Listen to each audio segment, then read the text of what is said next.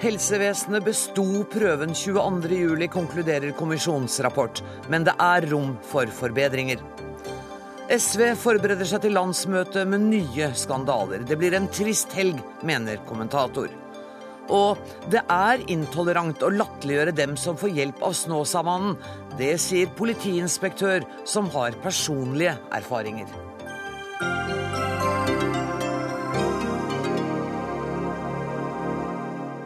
I denne sendinga skal vi også høre at nesten 50 millioner mennesker har klikket seg inn på nettet for å se filmen som har som mål å fange en ugandisk geriljaleder. Men aller først.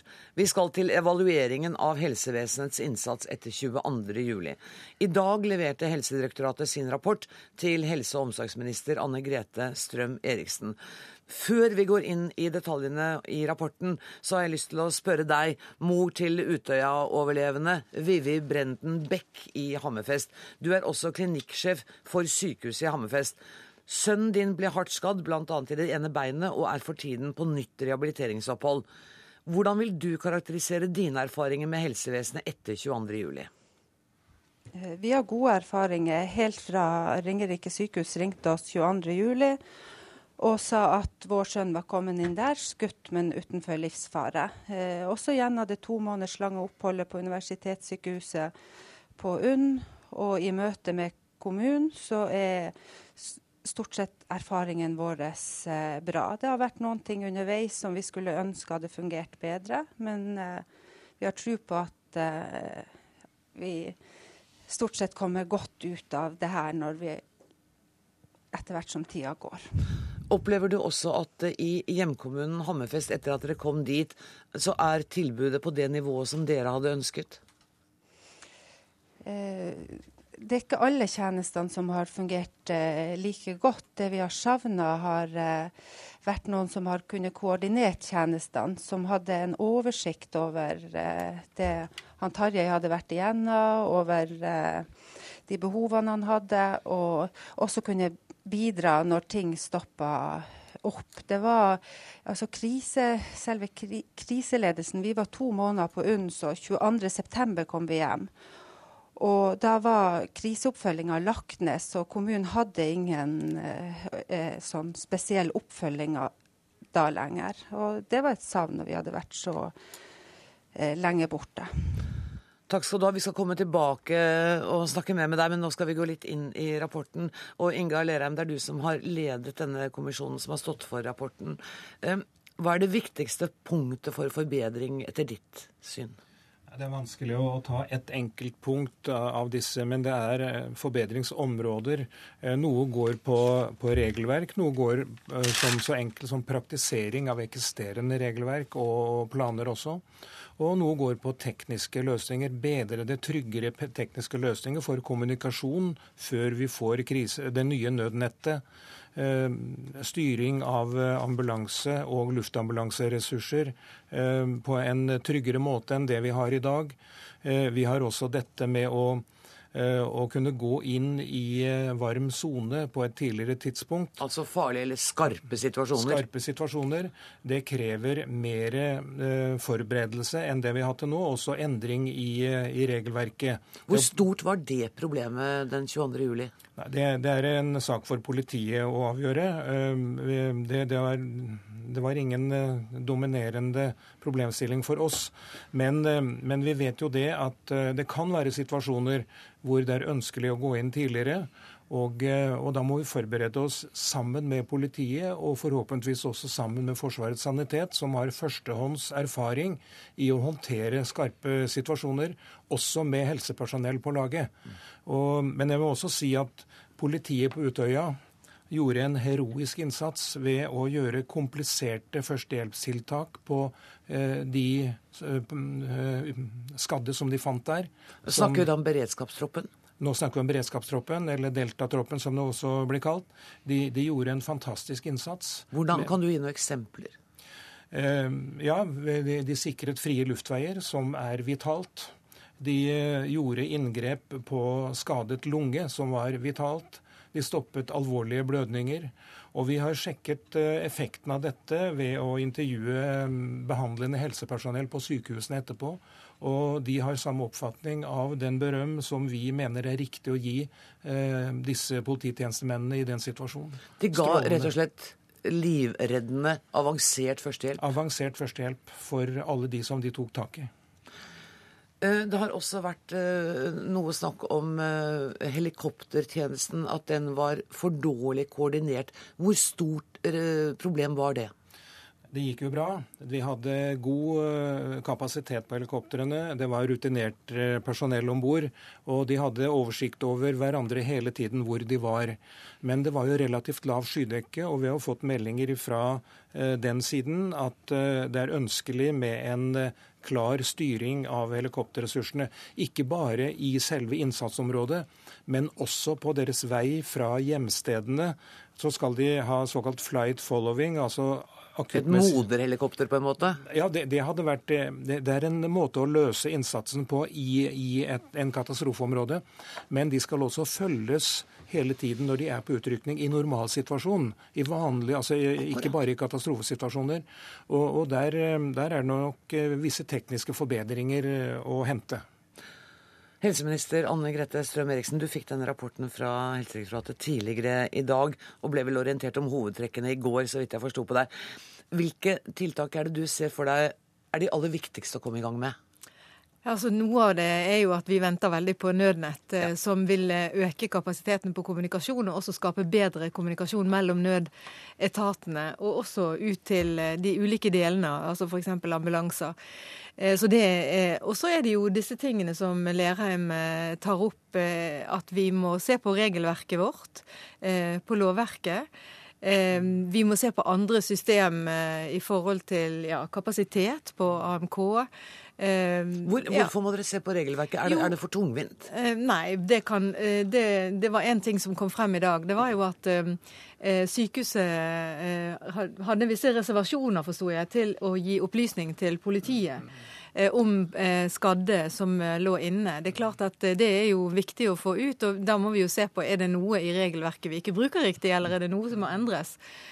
Og så er det jo i, i departementet så vil vi i hvert fall opprette en egen Eh, oppfølgingsgruppe som skal se på alle disse punktene som er kommet frem, for å se hvordan vi kan få ut informasjon fort på det som vi kan gjøre fort. Og så får vi legge en plan for alt det som vil ta noe lengre tid. Er du fornøyd med konklusjonen i rapporten? Så vidt jeg, jeg sa det litt tabloid i innledningen, at helsevesenet besto prøven, men det er rom for forbedringer. Er det, vil du slutte deg til det? Ja, og jeg må jo si det at når den første brutale skjer, når tragedien er så fullkommen som den egentlig var, så eh, tenker jeg det at eh, det var utrolig godt at helsevesenet fungerte. Helsedirektør Bjørn Inge Larsen, eh, det er ditt direktorat som, har, eh, som står bak denne kommisjonen og har utnevnt den. Jeg forsto det også slik at eh, den andelen av overlevende Mm. er faktisk høyere enn man kunne frykte ved den type voldsomme terroraksjon. Mm.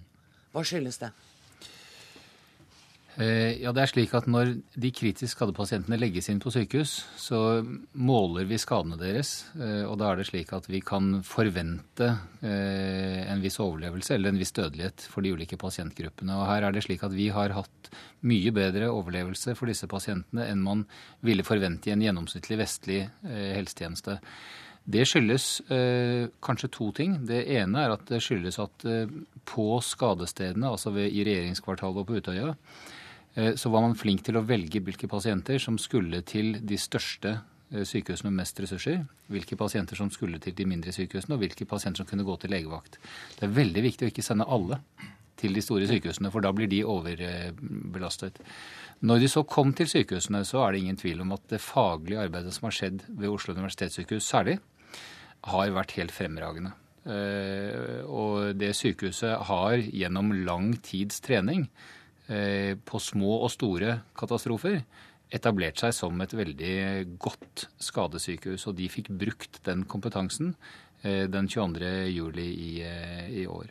Så det, så det som, som, helseministeren sier, når dette først skjedde, så leverte den norske helsetjenesten godt den 22. juli. Men så er det, denne rapporten om, uh, avsluttes jo altså ved nyttår eller litt før det. Mm. Sånn at de langtidsvirkningene er jo ikke med i denne rapporten. Og, og det er jo der mange nå sliter. Mm. Ja, det er det. Eh, de som eh, har kommet hjem etter å ha vært nå utsatt og har vært traumatisert, de bor jo da i 150 forskjellige norske kommuner. Eh, og vi har gitt råd og veiledning om hvordan kommunene bør arte seg for å hjelpe disse menneskene. Så er vi kontinuerlig i dialog med denne støttegruppen, som representerer de som er berørt, og med fylkesmennene for å forsøke å fange opp om alle får den hjelpen de skal. Men nå hørte vi jo Vivi Brenden Beck i Hammerfest si at når de kom, hun, hun, skulle ønske at det hadde vært bedre koordinert, at noen visste om omfanget, ja. at det var bedre system i hjemkommunen, uten at hun var noe spesielt skarp kritikken. Mm. Ja da, og jeg tror nok eh, noen av de som har kommet hjem, kanskje har blitt fulgt opp enda dårligere enn det eksempelet vi hørte fra, eh, fra Hammerfest. Når vi blir klar over det, eh, tar vi kontakt med fylkesmennene ber de jobbe med kommunene for at disse personene får eh, bistand. Slik forsøker vi hele tiden eh, å, passe på, slik at disse menneskene blir fulgt opp på en god måte. Slik alle veldig traumatiserte mennesker skal være når de har opplevd noe som ligner på dette. Vivi Brenden Bech, du hører hva helsedirektøren eh, sier nå. Var det litt oppløftende å høre at det skal være bedre enn det du har opplevd? Og dere har opplevd? Eh, ja, det har det. Men jeg, jeg opplever jo også at eh, når vi har tatt kontakt med, med kommunen, så prøver de å legge eh, på plass ei videre oppfølging og, og ta, altså ta, følge opp det som vi sier. Og det syns jeg jo er veldig positivt, da. For vi er jo opptatt av at det her skal bli best mulig fremover. Mm. Kan jeg spørre deg hvordan det går med sønnen din?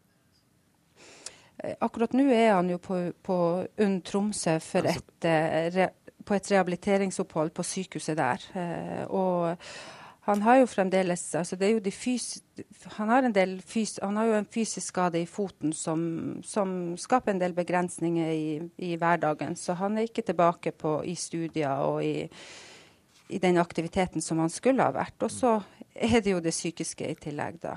Nettopp. Og til det skal vi snakke med Kristin Bjelland, som er styremedlem av den nasjonale støttegruppen, og også mor til en Utøya-overlevende.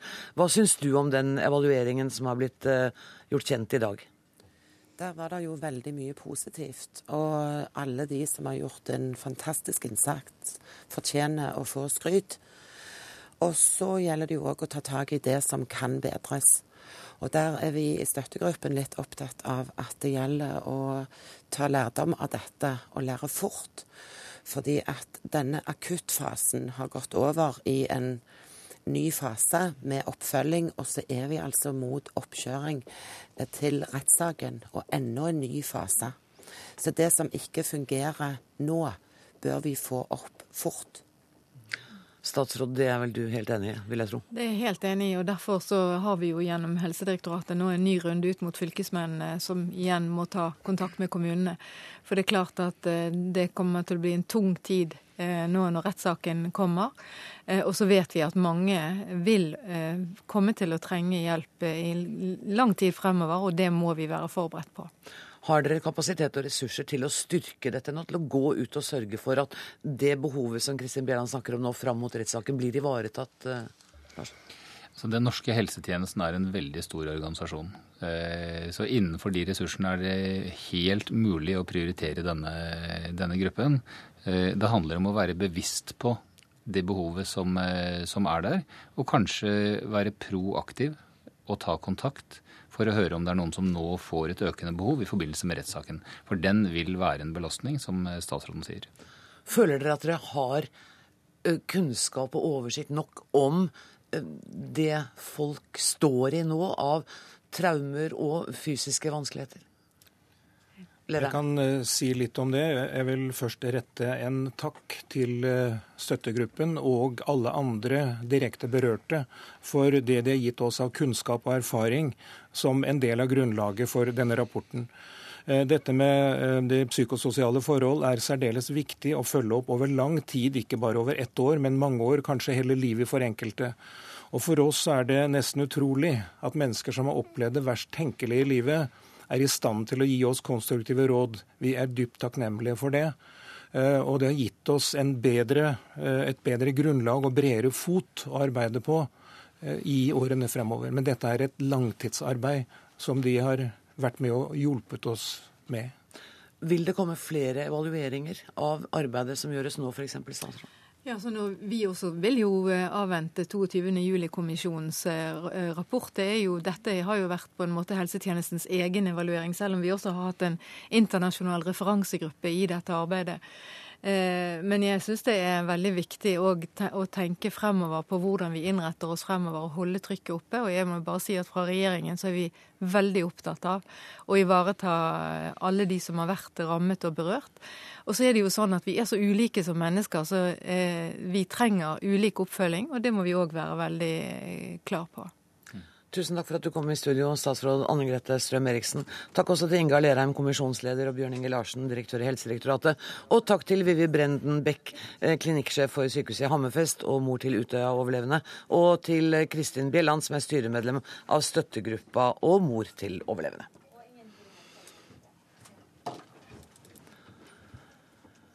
Og da skal vi Det skal fortsatt dreie seg om 22. juli. For Oslo tingrett har i dag bestemt at den ikke vil tillate mediene å filme Anders Behring Breivik sin forklaring under rettssaken. Heller ikke de fornærmedes vitnemål vil bli direktesendt. Tingrettsdommer Ina Strømstad, du er også medlem av dommernes mediegruppe. Hva er begrunnelsen for forbudet mot å filme ham? Det er et viktig utgangspunkt at uh, loven uh, har som hovedregel at det er et forbud om å kringkaste, og så har tingretten åpnet for delvis kringkasting, men altså ikke for uh, tiltaltes forklaring. Og sånn som jeg leser avgjørelsen, så er det to forhold som er avgjørende. Det ene er hensyn til sakens opplysning, altså at tingretten mener at det er en reell fare for at tiltalte vil forklare seg annerledes dersom hans forklaring kringkastes.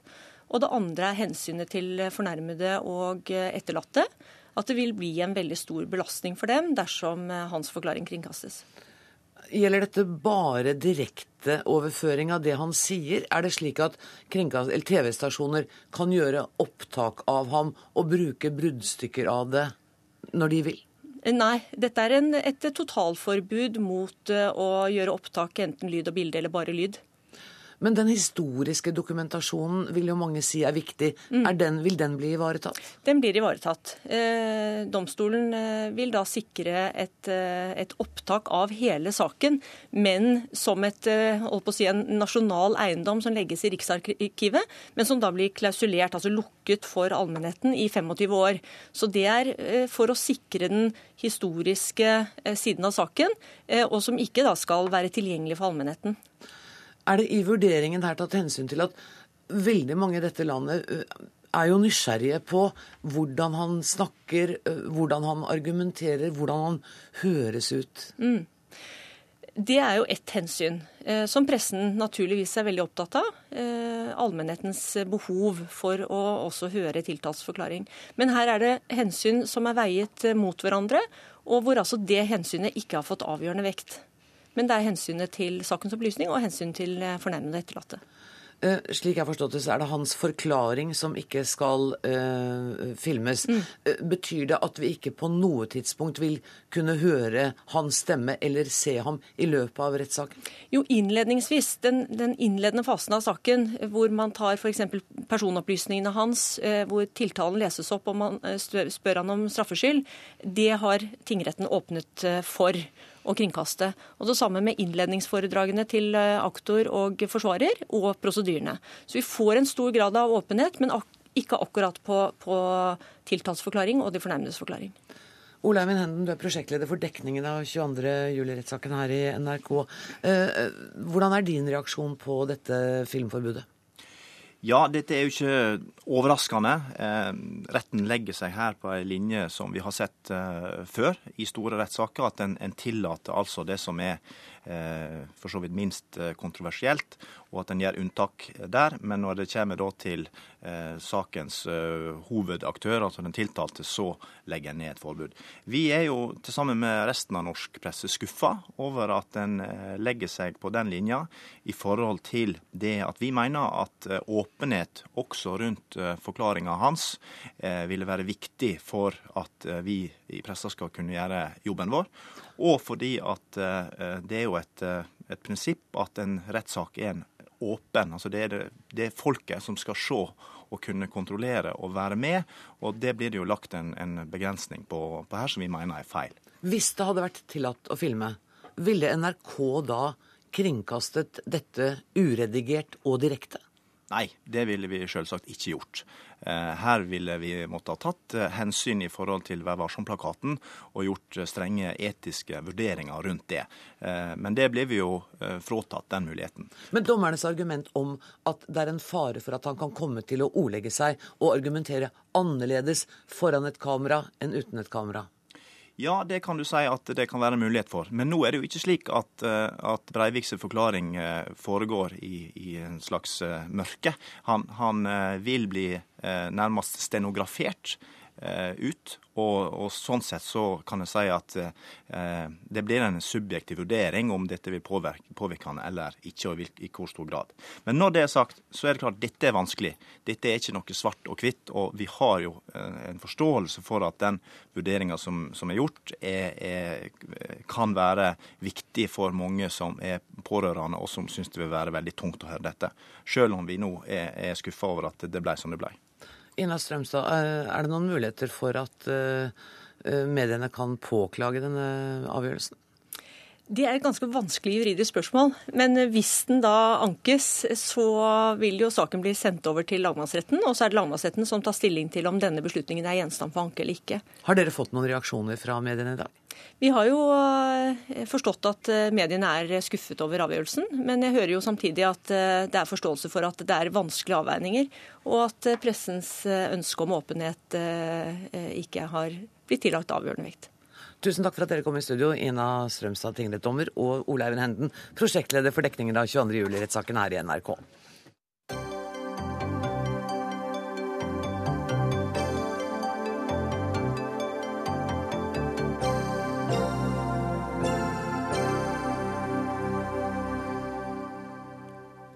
På det som kanskje er Norges mest leste avisforside, kan vi i dag se politiinspektør Hanne Kristin Rode og tittelen 'Hyller Snåsamannen', etter at sønnen hennes ble frisk etter et besøk hos nettopp uh, Joralf Gjerstad. Hanne Kristin Rode, velkommen hit. Takk. Hva er grunnen til at du som politiinspektør valgte å gå ut i VG og fortelle denne historien? Um, det aller første jeg har lyst til å si, det er jo at da jeg fikk denne henvendelsen fra en journalist i VG i går, så var det jo med forespørsel om å ha noen kommentarer eh, i forbindelse med den kritiske boken som kommer. Eh, og det gjorde jeg mer enn gjerne. Eh, jeg har eh, da gitt et intervju som mamma og som privatperson. Jeg syns uh, artikkelen i VG er helt suveren. Uh, det eneste jeg har å utsette på det, uh, det er at de tar et bilde av meg i uniform. Du syns at det er helt suverent? Du står for alt som står i VG? Ja, selvfølgelig gjør jeg det. Og når jeg ser den kritikken som Den personlige kritikken som reises mot Joralf Gjerstad av denne forfatteren, så er jeg veldig glad jeg gjorde det. Fordi den mannen har brukt hele livet sitt på medmenneskelighet og godhet. Han har hjulpet mange tusen mennesker. Og noen av oss må faktisk stå opp og fortelle som privatpersoner hva vi har opplevd. Eh, for det fortjener han, rett og slett. Men jeg er ikke glad for at dette presenteres som politiinspektør Hanne Kristin Rode, for det er som mamma Hanne Kristin jeg har gjort det. Men, men, akkurat den konflikten må du ta opp med VG, og VG er ikke representert her i kveld. Men Nei, ja. i hovedsak så er du fornøyd med det som står der. Strålende fornøyd. Men, men du ser jo, det har jo vakt voldsomme reaksjoner i dag. Både positive og negative. Altså, på nettet koker det. Ja. Eh, var du overrasket over omfanget av reaksjonene? Ja, jeg trodde vel selv at jeg hadde sluttet å bli overrasket, men jeg ble litt overrasket. Jeg må innrømme det, for jeg syns nyhetsbildet denne uken har hatt adskillige tøffere utfordringer å hanskes med eh, enn mitt møte og min sønns møte med Joralf i 2009. Men nå er, det, nå er, vi der at vi er interessert i å høre om det. Kan ikke du, for du forteller det til VG, kan ikke du kort fortelle hva det var som skjedde da du tok din sønn til Joralf Gjerstad? Veldig kort fortalt så hadde han vært syk over en lang periode. Vi hadde selvfølgelig prøvd ordinær medisin. Vi fikk ingen klar diagnose. Og ungen hadde som niåring etter hvert et tre måneders fravær fra skolen. Det er ganske dramatisk både for barn og foreldre. Var det pga. magesmerter? Ja, det var magesmerter. Jeg ønsker ikke å gå i detaljer. Nei, Dette er hans epikrise. Eh, jeg var med han eh, inn på hotellrommet her i Oslo, der Joralf var. Eh, jeg ble satt i en krok og var ikke en del av det. Men det som skjedde i det rommet, det han så med sine synske evner, og som han drar, han drar ut fem konkrete ekstrakter fra eh, min sønns liv, eh, som er helt konkrete, som ikke er i noe sånn gråsone. Eh, det kan han ikke vite, eh, og det overbeviste meg om hans synske evner, for dette her er det ikke mulig å, å bløffe seg til. Eh, og eh, barnet ble friskt. For meg er det ikke så veldig viktig om det er placebo eller ikke, men ut fra det som skjedde på det rommet den halvtimen, så er ikke jeg i tvil. Det handler ikke om hva jeg tror, men det handler om hva vi har opplevd. Og det har gjort et inntrykk på oss. Dette kommer vi til å ta med oss resten av livet. Og jeg syns det er eh, meningsfullt å dele det med andre. Jeg skulle ønske at flere også turte, for det fortjener jo Joralf Gjerstad. Men du må jo ha eh, registrert at noen mener at du er eh, i beste fall naiv, i verste fall ganske dum som tror på denne type alternative behandlinger. Hva vil du si til dem? Ja, det er jo veldig interessant. Det er en refleksjon jeg har gjort meg. Nå har ikke jeg hatt tid til å følge dette her. Jeg ble i grunnen oppmerksom på det da dere ringte, at det kokte så grassat. Eh, men det er klart det at eh, hva skal kritikerne angripe, da? Eh, det som de greier å angripe, det er jo å gå til personangrep. For det er jo ikke mulig å angripe det uforklarlige.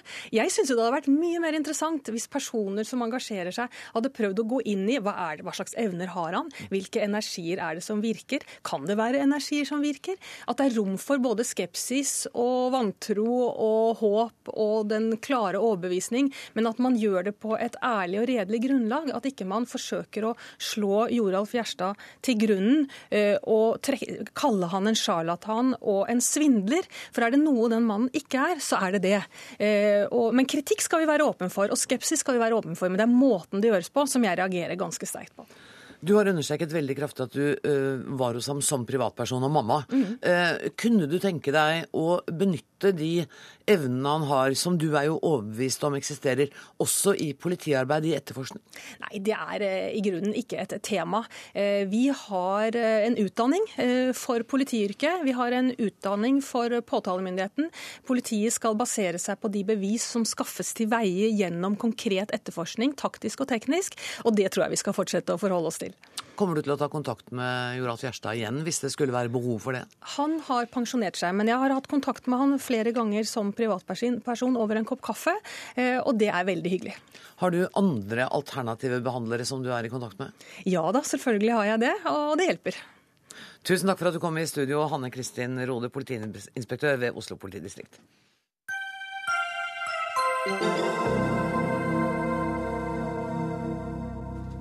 Da skal det bli eh, partipolitikk det skal dreie seg om. SV, der ting har gått fra vondt til verre. I dag avslører VG at også SV-leder Kristin Halvorsen trosset advarslene fra embetsverket og ga 700 000 kroner i støtte til Pøbelprosjektet i 2009, uten at de hadde søkt.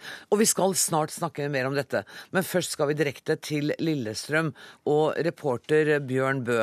Landsstyret holdt en pressekonferanse klokka 16. Hva kom fram der? Ja, Det viktigste var nok at Audun Lysbakken mente å ha fått stadfest at han har brei nok tillit til å la seg velge til ny partileder. Men eh, det ble også vitna om en djup og kritisk debatt, og Lysbakken sa sjøl at han er lei seg for å ha sett partiet i en vanskelig situasjon.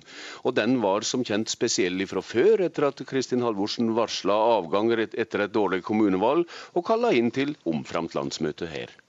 Er det riktig at det skal være et krisemøte i valgkomiteen i kveld? Ja, Hvor kritisk det er, skal ikke jeg si, men det er medlemmer av valgkomiteen som fremdeles ønsker en annen kandidat enn Lysbakken. Men eh, det er vel slik at eh, ingen aktuelle vil stille til kampvotering. Eh, rett nok så blir det skriftlig avrøsting, og flere sier det er vanskelig å røste for Lysbakken etter det pengerotet han har vært ansvarlig for. Så det blir spennende å se hvor mange blanke røyster som kommer eh, ute i kveldinga i morgen. Og det er ingen grunn til å tro at Lysbakken på dette tidspunkt kommer til å trekke seg som kandidat? Nei, det var absolutt eh, den klare oppfatninga vi fikk av Lysbakken, at han står eh, dette igjennom, og mener altså at han har brei nok stønad i partiet etter landsstyremøtet i dag. Og eh, det vi har gjort av kontakt med delegatene til landsmøtet, tyder på at han kan være nokså trygg i denne oppfatninga. Partisekretær i SV Silje Skei Tveital, hva slags landsmøte blir dette? Det blir et spesielt landsmøte. Det er jo også et ekstraordinært landsmøte. Det blir et landsmøte som skal velge en ny leder i SV for første gang på 15 år. Eh, så det, det ser jeg fram til. Det er klart Vi har hatt eh, noen krevende uker og krevende dager i partiet. Eh, men da blir det også godt å møtes med delegater fra hele landet for å finne en best mulig løsning i den situasjonen vi står i, og velge en ny leder. Og det ser jo ikke ut som det skal bli noen lettere dager fremover. For i VG i dag så kan vi lese at eh, Kunnskapsdepartementet siden 2007 altså har bevilget støtte på til sammen 4,74 millioner kroner til prosjekt, uten at støtten var utlyst på forhånd. Hvordan påvirker det opptakten til landsmøtet? Ja, vi har prøvd og vi har orientert landsstyret i dag om eh, de ulike sakene som har vært fremme i media. Eh, og Da har det vært viktig å skille litt mellom disse ulike sakene og alvorligheten i det. Det er klart det er meget uheldig, og det har også Kristin Halvorsen vært klar på, at økonomiregelverket eh, har blitt brutt i noen tilfeller. Eh, nå er det jo satt i verk en opprydning i alle, og gjennomgang i alle departementer for å skjerpe praksis, og saker vil komme fram i forhold til der det har vært, eh, vært regelbrudd på økonomireglementet. Men er det ikke riktig nå at det er tre statsråder som altså har brutt dette reglementet? Både Bård Vegar Solhjell, Audun Lysbakken og Kristin Halvorsen. Tyder det på at SV var for dårlig forberedt til å påta seg tunge verv som statsråder? At de var ikke egna til det? Nei, det vil jeg absolutt uh, ikke si. Og Det som har vært viktig for oss å få fram i dag, er jo at uh, disse sakene, og bl.a. det som VG skriver på sin forside i dag, at man har gitt penger til SV-venner og blander disse sakene sammen med det som har vært uh, noen enkelttilfeller i BLD, det blir jo helt feil. Dette er et offentlig Eh, dette er et privat prosjekt som har fått støtte fra flere instanser. Eh, det, som, det, har ingen tilknytning til SV, eh, og det er heller ikke noe bekjentskap eller snakk om habilitet. Så dette er dette er en, en, helt annen sak enn, en det som har vært, uh, vært, årsaken til at uh, Audun Lysbakken valgte å trekke seg som statsråd. Og det har vi orientert uh, landsstyret om i dag. Da sier jeg takk til Silje Skei Tveitalt, partisekretær i SV, og Bjørn Bø, NRKs reporter på landsmøtet. Politisk redaktør i VG, Hanne Skartveit. Hvor alvorlig er de siste opplysningene? Om Kristin Halvorsen. De har rett i at det er en annen type sak eh, enn eh, Lysbakken-saken. Her er det snakk om brudd på økonomireglementet. Det er også alvorlig. Men husk på at Lysbakken-saken handlet om at han og hans folk hadde mekka til i forkant for at de skulle gi penger til sine egne ungdomspolitikere. Der var det lovbrudd også, habilitet i forhold til reform. Halvorsen-saken handler om brudd på økonomiregelverket, som også er alvorlig. Og hun sier jo selv at det er veldig uheldig. Ja, selvfølgelig er det det. Uh, Pøbelprosjektet har bred tverrpolitisk støtte, og får også støtte fra Kronprinsparets fond og fra Ferd, altså Johan og Andresen, og er et prosjekt som alle syns er bra. Gjør det det mindre kontroversielt, det at liksom hensikten helliger middelet her? Nei, Det sa jo Lysbakken også om Jenteforsvaret. Men det er helt riktig at Eddie Eidfogs prosjekt er et veldig godt prosjekt. Og det at man har et alternativ til et fylkeskommunalt, eh, ansvar på dette, syns jeg er bra. Og at en SV-statsråd ser at et privat prosjekt kan være bedre enn fylkeskommunen, er jo bra, syns jeg. Mm. Men like fullt så må de jo forholde seg til økonomiregelverket. De kan jo ikke bryte reglene for bevilgning av penger selv om de syns det er et bra prosjekt. Det er veldig viktig at politikerne våre forholder seg til de rutinene som er når de skal gi bort våre penger. Jeg gjentar det spørsmålet som jeg stilte til SVs partisekretær, er det tegn på at de var litt umodne eh, til å påta seg denne type jobber? At de ikke hadde respekt nok for det regelverket som eksisterte?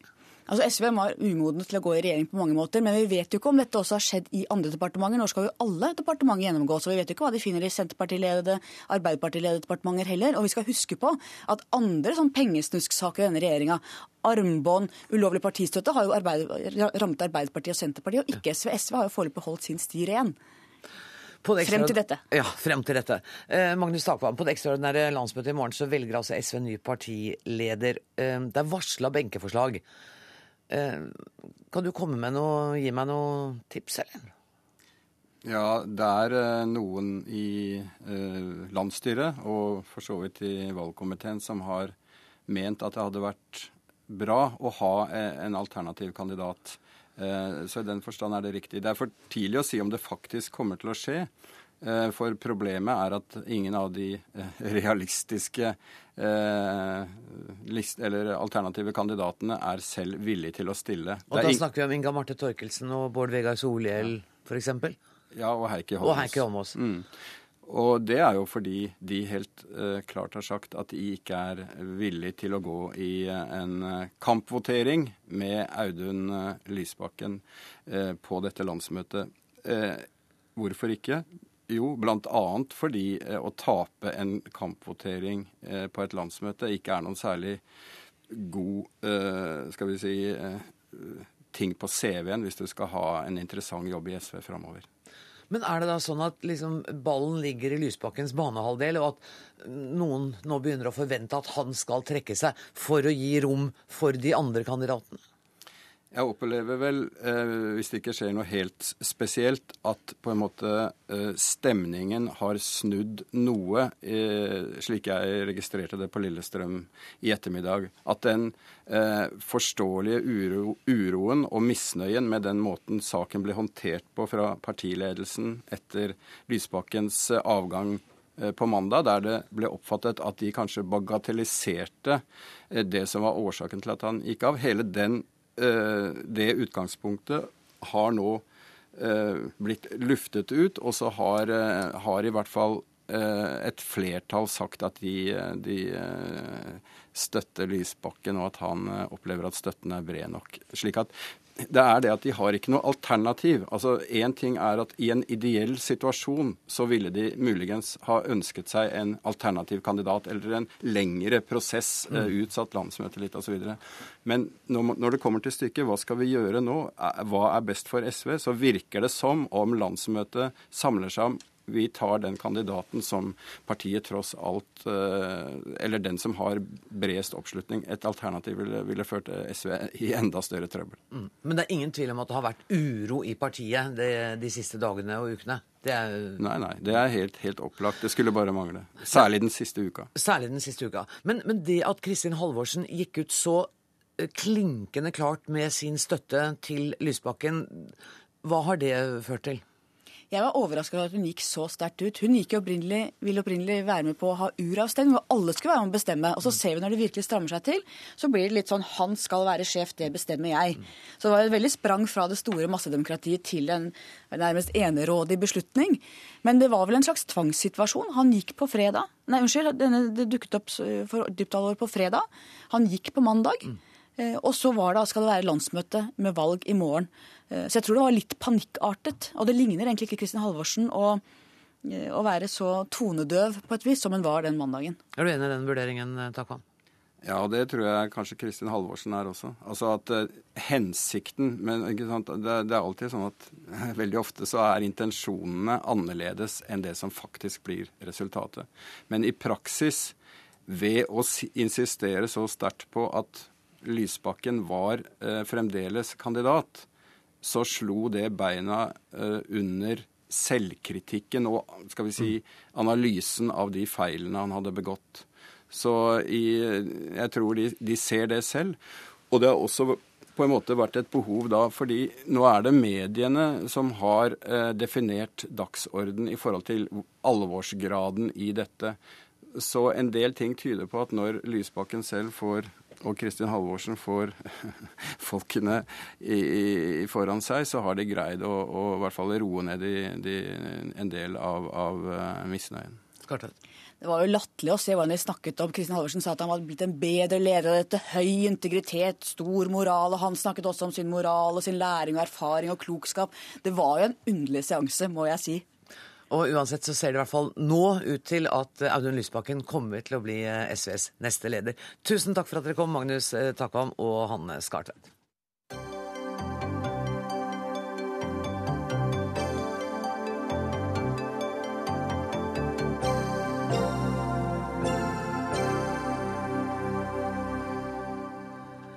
Hun tvang diktatoren i kne. Det skriver journalist Erik Aasheim i forordet til boka 'Tunisian Girl blogger i den arabiske våren'.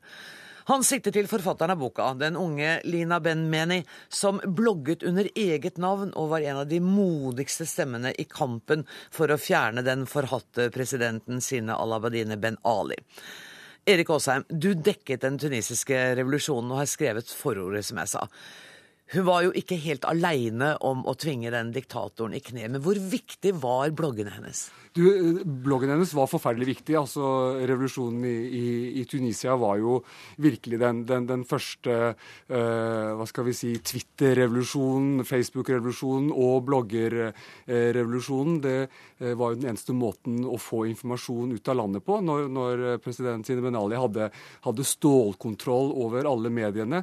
Og, og Lina Ben uh, Men i sin, sin blogg A Tunisian Girls ble jo sto forsøkt stoppet og sensurert mange ganger men hun klarte hele tiden å opprette bloggen på, på, nye servere, så den var hele tiden aktiv. Og hun reiste jo rundt i landet med kamera og virkelig dokumenterte det som, som, eh, som journalister ikke klarte å gjøre i, i ukene før da eh, revolusjonen den, den 14. januar eh, i, i, fjor. Så hennes blogg altså For oss utenlandske journalister så ble det en blogg vi leste hver dag. Det var på en måte der vi fikk veldig mye av, av informasjonen fra. Og jeg hørte om henne første gang jeg var i Paris og, og, og hørte henne bli intervjuet på, på, på fransk radio, og, og, ble veldig fascinert av det hun hadde å, å fortelle. Så eh, noen timer etter at Sine Ben Ali forlot landet 14.1, så satte jeg meg på fly til Paris, og en av de første jeg møtte, det var altså eh, Lina Ben Meni. Lina Benmeni, welcome. Uh, Thank you. Eric is just trying to explain to the Norwegian listeners and viewers um, what your achievement was and, and how you worked. So we need to do that. Um, it's interesting. I, I read your book, uh, and it's really interesting and detailed. And you say that you signed your blogs with your full name. Uh, yes, I that did. was a hazardous thing to do. Why did you do that? Well, I did this because I believe that in order to make people trust you, in order to succeed in, uh, in convincing them to, to act, to try to, to improve things, you have to show your face and to use your real name. Okay. Otherwise, people won't trust you when you are anonymous and you ask people to to go to the street or to take part in an action to free uh, a jailed person for his or her opinion. People won't trust you if you are using uh, a false name, a but, nickname. Yeah, but you put yourself in danger. Uh, yes, when you when you want to, to change things, when you have some principles and beliefs, and when you fight for a cause, you forget about your fear and you forget that you are in danger and you just want to, to act. And the first time I met you, I, I remember you were very afraid uh, some days after the revolution. For hun hadde da akkurat fått, fått vite at hun sto på, på presidentens milits uh, sin uh, dødsliste. Så, så, så, jeg husker godt den dagen. Altså, da, da var hun veldig engstelig. Altså, du trodde hun var, var litt paranoid, du? Ja, det trodde jeg, men det var, det var først en måned, det var, det var først en måned senere. Ja. La oss rydde opp litt. for Det hun altså sier er at Grunnen til at hun signerte med fullt navn, var at hvis du skal ha troverdighet i en kampsituasjon som det der, mm. hvor du prøver å forandre verden, så må du skrive med fullt navn. Og når du er i det, så glemmer du eh, rett og slett eh, at, at, du selv er utsatt for fare. Og hun var utsatt eh, for fare. Um, Eric says that a month later, you, you tell the story, Eric, when you uh, met her again? Ja, en måned uh, senere, when I met you one, one month later, we were sitting in a café. Uh, you remember that, uh, yes. that little story? And vi, vi, vi, satt på en kafé. Jeg skulle intervjue henne for et uh, NRK-program, Spekter, og lage en TV-reportasje for å fortelle hvordan det har gått med revolusjonen da i Tunisia en måned senere. Vi sitter på en kafé, og så forteller hun meg at uh, vet du, der borte på bordet så sitter det to menn, de, de følger etter meg hele tiden. Og jeg, altså, jeg tenkte hun er litt paranoid. altså Man hører sånne historier i Tunisia hele tiden. Folk tror at ser spøkelser på, på åpenlys dag. så tenkte tenkte at det var nok en sånn historie. Men jeg får jo sjekke det, da. Så jeg gikk bort til dem og skru, skrudde på kameraet og spurte er dere, hvem er dere? Og da bekreftet de etter mye frem og tilbake at de var fra det hemmelige politiet. Og de faktisk de, de overvåket eh, Lina Ben-Meni én måned etter eh, revolusjonen. altså, ble jo selvfølgelig ikke så glad når jeg filmet, så eh, jeg ble, måtte gå med avskrudd kamera etter hvert. Men, men da sa Lina Ben-Mani bare Meni etterpå altså, velkommen til politistaten Tunisia. Um, in your books, there are several uh, significant dates. and, and the 22nd of May 2010 was one of them. Yes. Can you uh, tell us what happened that day? Yes, actually, we planned to organize a demonstration against censorship. Uh, in fact, under the, the regime of Ben Ali, uh, the, the majority of uh, news websites and many blogs were censored. So we decided to demonstrate peacefully uh, against censorship. Yeah, but uh, we were three people to sign uh, the the notice for the Ministry of Interior. Uh, two boys and me. They were arrested, and the police broke into my parents' house to to steal my laptop, my camera. So, but uh, people. Uh, went to to the streets, took to the streets, and Thousands of them. uh, yes. In white T-shirts. Why was that? Uh, yeah, actually, we had two plans. The first one, the plan A, was a demonstration outside the Ministry of uh, Technologies of Communication, and the second one uh, is uh, the plan of wearing uh, white T-shirts to say that we are peaceful. It's it's a symbolic uh, protest. Uh, hang on, I just need to translate a little bit. Hun, Okay. hun forteller altså at hun skulle søke om tillatelse til å demonstrere. De var tre stykker. To av dem ble arrestert. Politiet var hjemme hos hennes foreldre. De beslagla laptopen hennes. Men allikevel gjennomførte de demonstrasjonen, en fredfull demonstrasjon. Derfor hadde alle hvite T-skjorter på seg. Please Yes, go and when the police prevented us from uh, reaching the, the Ministry of uh, Technologies of Communication, it was the plan B, the white T-shirts. And the police was too violent that day. Now, Tunisia has had free elections.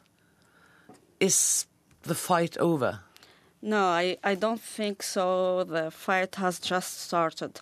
The ousting of Ben Ali uh, was a first step, but building a democracy is much more harder. We have to fight.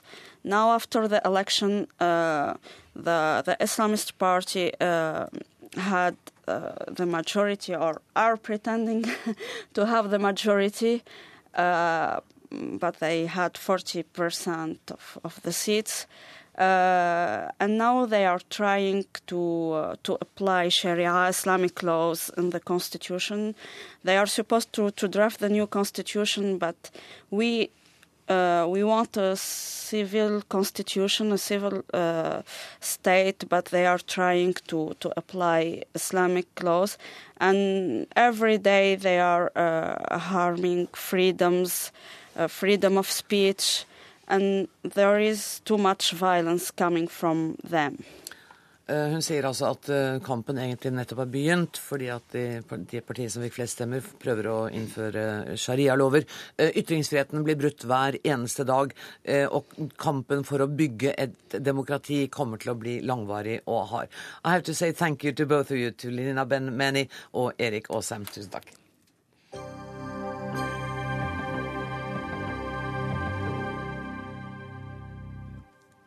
Og på en måte skal det fortsatt dreie seg om eh, hva enkeltmennesker kan gjøre på nettet, og hvordan man mobiliserer.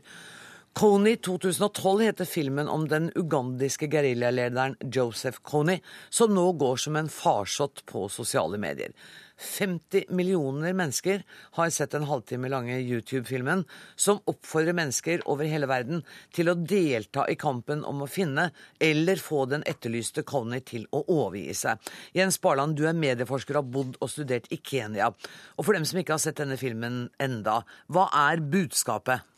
Ja, Det begynner jo da med at det amerikanske Jason, eh, Jason Russell er i Uganda og møter da disse barna som flykter fra denne herrens frigjørelse. Det er disse bandene som, som kidnapper barn og som lemlester de og gjør de til barnesoldater og alt sånt. Og, og her lover han en, Jakob, en av disse, vi skal gjøre alt i verden for å stoppe Joseph Connie. Og denne filmen er på en måte der de gjør alt. Og de bruker masse masse virkemidler som gjør at denne tar helt av i sosiale medier. Skal vi høre et ørlite kutt fra eh, filmen? Can I tell you the bad guy's name? Yeah. This is the this is the guy Joseph Coney. He's the bad guy. Yeah. Joseph Coney, he has um, an army, okay, And what he does is he takes children from their parents and he gives them a gun to shoot and he makes them shoot and kill other people. But they're not going to do what he says because they're nice guys, right? Yeah, they don't want to do what he says, but he forces them to do bad things. What do you think about that? Eh, Her snakker altså filmskaper Jason Russell med sin fire-fem år gamle sønn, og, og bruker denne lille gutten som eh, en som han skal forklare grusomhetene til. Er det reklamefilm, eller er det en dokumentar, dette her? Dette er ren propaganda.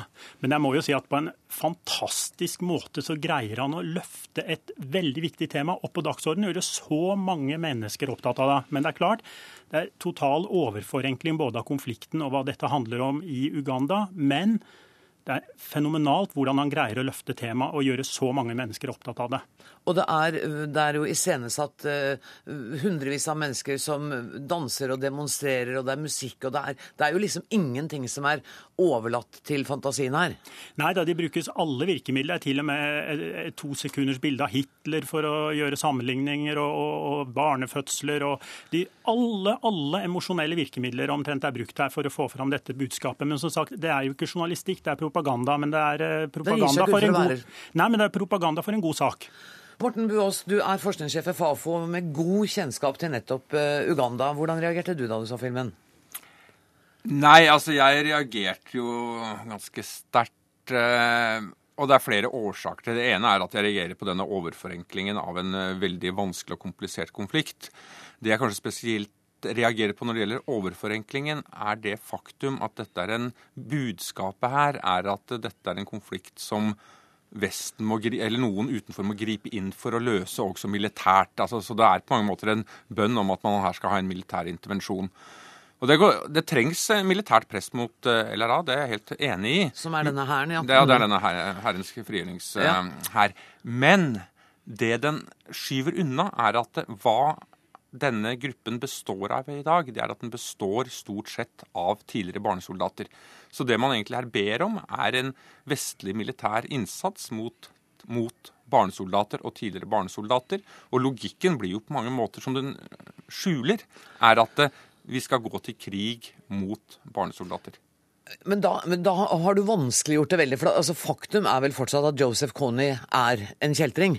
Jeg har ingen tvil om at Kony har mye blod på hendene. Men spørsmålet er er det er den eneste løsningen vi har på dette her, å sette inn militære styrker mot en gruppe som i dag nesten, 90% av det som er Herrens frigjøringshær i dag, består av, av, barn som tidligere har blitt bortført. Men mener du at han er marginalisert, at han ikke har den makten i dag som han hadde f.eks. på 90-tallet? Ja, I hvert fall ikke i Uganda. Altså I Uganda så har ikke denne gruppen noe makt overhodet. Den har nå flytta inn i et grenseland mellom, denne, mellom Kongo, Sudan og eh, Den sentralafrikanske republikk. Men poenget mitt er, er det enkle er at er det etisk riktig å be om at man skal bruke militærmakt mot en gruppe som stort sett består av tidligere barnesoldater. Det er et eh, dilemma, og det er godt mulig at det riktige svaret på dette er ja, vi må ha et militært press mot dem, men det vanskelige etiske dilemmaet, de vanskelige politiske dilemmaene, de skyves helt unna i denne eh, filmen, og det reagerer jeg på. Hvordan, hva tenker du om det Bøe sier nå? Altså, jeg er helt enig med at det å sende vestlige soldater og amerikanske militære inn for å gjøre denne jobben, det blir jo helt totalt feil. Men det som er bra her, tross da denne veldig store overforenklingen, det er at hvis dette temaet, sånn som det kom på dagsordenen nå, kan legge et politisk press og f.eks. da mobilisere disse forskjellige, nei, forskjellige afrikanske landene som, som, er aktuelle her, til å ta tak i dette på en annen måte enn før, så er det bra.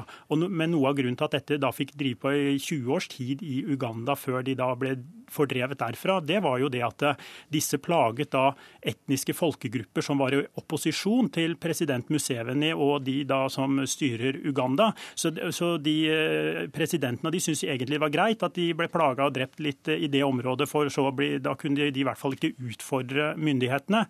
Ehm, så Sånn sett er jo dette både etniske konflikter og ganske kompliserte forhold. Men hvis det nå kan komme et nytt og fornyet press der flere aktører i flere land kan, ehm, som da er de riktige til å ta tak i dette, så er det veldig positivt. Ja, altså Det er jo det jeg også håper, at det skal komme noe positivt. Altså Jeg reagerte på filmen, jeg reagerte også spontant på en del av virkemidlene som ble brukt her. Men jeg håper jo også at det skal komme, at det positive som kommer ut av dette, er at et fokus på et stort problem, altså barnesoldatproblematikken.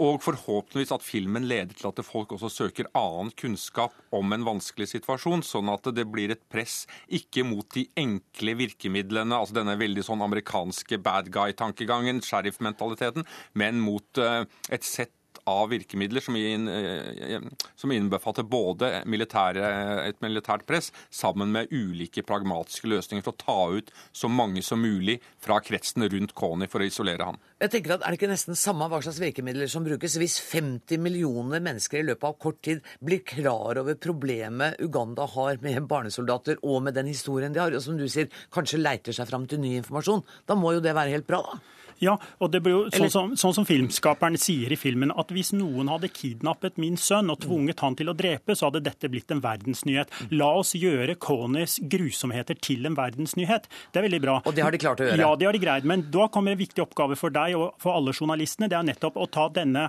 propagandaen og så underlegge den journalistikk og få fram alle sider og forskjellige ting og kritisk behandling. Det blir ikke denne uka, for nå er helg også i Dagsnytt 18, men vi lover å ta det opp igjen til uka. Ansvarlig for eh, Dagsnytt 18 i dag har vært Karoline Rugeldal. Det tekniske ansvaret har Lisbeth eh, Sellereite. Jeg heter eh, Anne Grosvold og gleder meg allerede nå til mandag. Takk for nå.